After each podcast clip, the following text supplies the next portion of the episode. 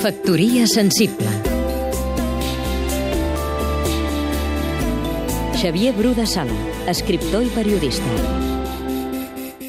A més de les arquitectures simbòliques i efímeres instal·lades al barri vell de Barcelona i un cop visitat el més imprescindible de tot el tricentenari, que és el Born, convé aturar-se al Museu Marès per admirar l'exposició de gravats i objectes de l'època basada en la col·lecció Jalong Viladegut. Una de les peces més reveladores consisteix en un gravat de gran format on apareixen tots els reis hispànics, sense descuidar-se'n cap, ni de Lleó, ni de Navarra, ni visigòtic, però que fa omissió completa i total dels reis catalans d'Aragó, Mallorca i València.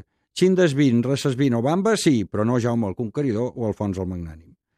Poca gent sap encara que el Museu Marès, al costat de la catedral i darrere el Saló del Tinell, és precisament el Palau Reial Major dels nostres monarques, que vivien en aquestes estances, i que el pati del museu era el verger on els reis hi tenien, per caprici, una col·lecció de lleons.